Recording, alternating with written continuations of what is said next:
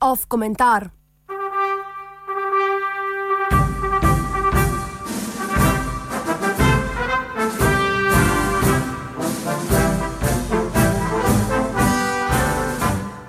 Praznično domoljubni predsednik republike.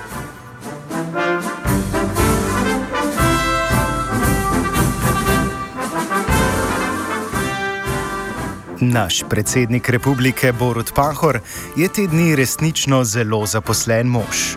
Kot se za simboličnega voditelja naše države spodobi, ima Pahor te dni svoj urnik zapolnjen z razno raznimi obveznostmi, od sezonsko dobrodelnih pa vse do zim zeleno domoljubnih.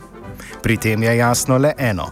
Borut Pahor očitno še ne misli končati svojo predvolilno propagandno kampanjo približevanja navadnim smrtnikom.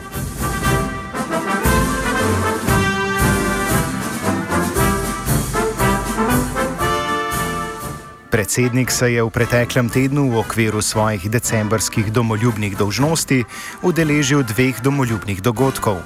Poleg uradne proslave prvega postroja slovenske vojske, ki ga je organizirala Zveza društev in klubov Moris, se je udeležil tudi paradržavne proslave v režiji Društva vrednote slovenske osamosvojitve.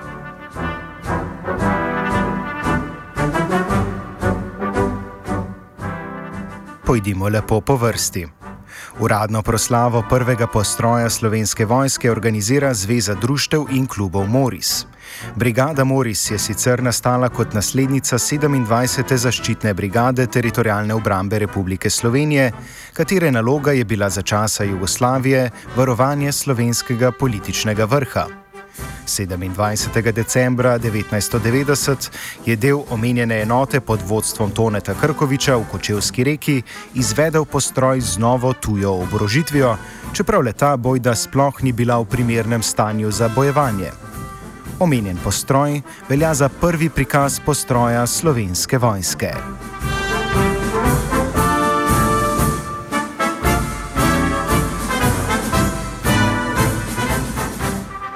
V poklon temu domoljubnemu dnevu imamo v Sloveniji, kot sedaj že narekuje stalna praksa, kar dve različni proslavi. Uradno proslavo organizira že prej omenjena Zveza društev in klubov Moris, drugo neuradno pa organizira Društvo za vrednote slovenske osamosvojitve. Slednje je sicer ideološko zelo blizu skrajno desne stranke SDS in ima v nekaterih ključnih vprašanjih osamosvajanja domala identične poglede z omenjeno politično grupacijo.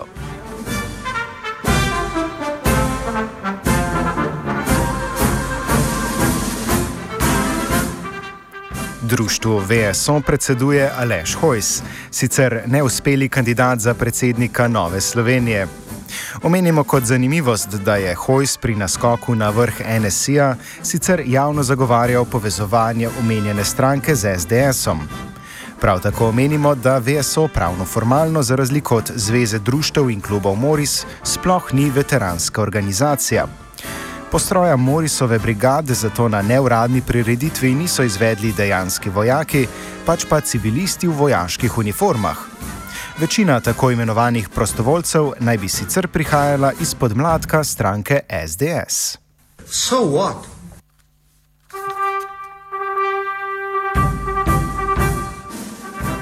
A kakšni so pravzaprav razlogi za to vrstne odločitve Boruta Pahorja? Iz njegovega obiska lahko izluščimo sledeče opazke. Predsednik republike več kot očitno želi biti predsednik vseh slovencev in slovenk. Po logičnem sklepanju to pomeni, da mora obiskovati tako prireditve organizirane v režiji deklarirano levega kot desnega političnega pola. Borut Pahor morda prav tako poskuša združiti oba razprta politična tabora in jo pripeljati do mistične narodne katarze, sicer v ljudskem žargonu imenovane narodna sprava.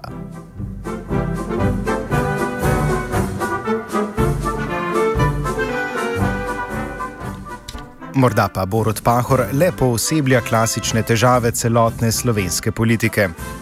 Predsednik namreč očitno za svoja dejanja najverjetneje ne bo in tudi ne misli politično odgovarjati, in to na kljub temu, da je kot uradna oseba in najvišji državni predstavnik obiskal paravojaški postroj ene izmed skrajnih političnih strank. V naši mainstream politiki je očitno tekom mandata resnično dovoljeno početi praktično karkoli, kar je v slovenskem kontekstu tudi popolnoma razumljivo. Dejanja predsednika države so namreč v preteklem tednu pod vprašaj vzeli le redki mediji, pa tudi javnost je dogodek v večji meri mirno ignorirala. Tako se Pahorju ni potrebno bati, da bi mu kdorkoli izstavljal račun za njegov obisk prireditve društva VSO in stranke SDS.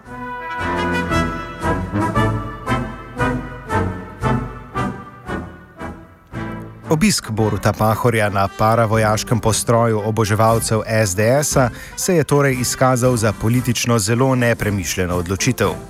Na mesto sprave je predsednik namreč legitimiral manifestno fazo slovenske različice fašizma.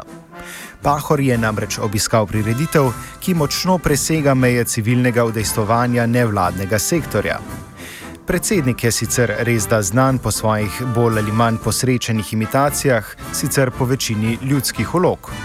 Tokratna imitacija ni toliko podobna frizerju, mesarju ali nemara mlinarju, pač pa končno nekemu predsedniku, predsedniku Hindenburgu. Kaj pa, kaj pa je zdaj?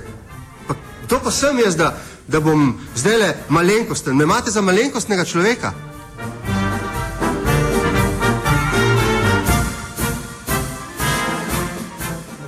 Komentar je pripravil Martin.